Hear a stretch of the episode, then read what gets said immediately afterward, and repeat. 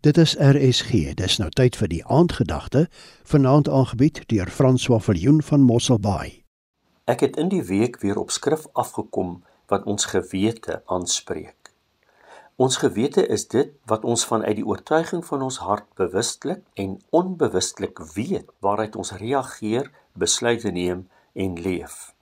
In die ou bedeling, nog onder die wet, lees ons in Johannes 8 vers 7 en 9 Toe die skrifgeleerdes en die fariseërs die vrou wat in oorspel betrap was, na Jesus toe bring om te hoor wat hy sê, het hy vir hulle gesê: "Laat die een van julle wat sonder sonde is, die eerste klip op haar gooi."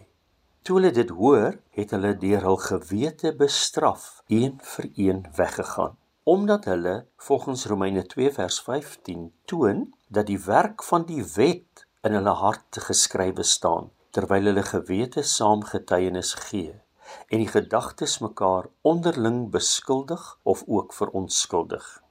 Dit is die vrug van die boom van kennis van goed en kwaad. Maar in die nuwe bedeling, na die kruisiging van Jesus, sê Paulus in Romeine 9 vers 1: Ek spreek die waarheid in Christus. Ek lieg nie.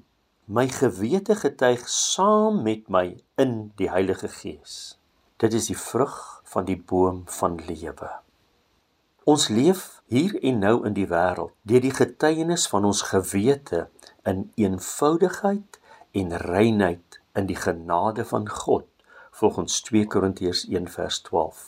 En verder sê Paulus in 1 Timoteus 1 vers 5 en 19 dat die doel is om in liefde te leef uit 'n rein hart en 'n goeie gewete en 'n ongeveinsde geloof om aan die geloof en 'n goeie gewete vas te hou want ons lees in Hebreërs 9 en 10 dat die bloed van Jesus deur die eenmalige offer aan die kruis ons sonde uit die weg geruim het ons gewete gereinig het skoon gemaak het ons vrygespreek het en ons die vrymoedigheid in Christus gegee het om gereinig en geheilig in God se teenwoordigheid te leef Ons leef vanuit die oortuiging van Heilige Gees.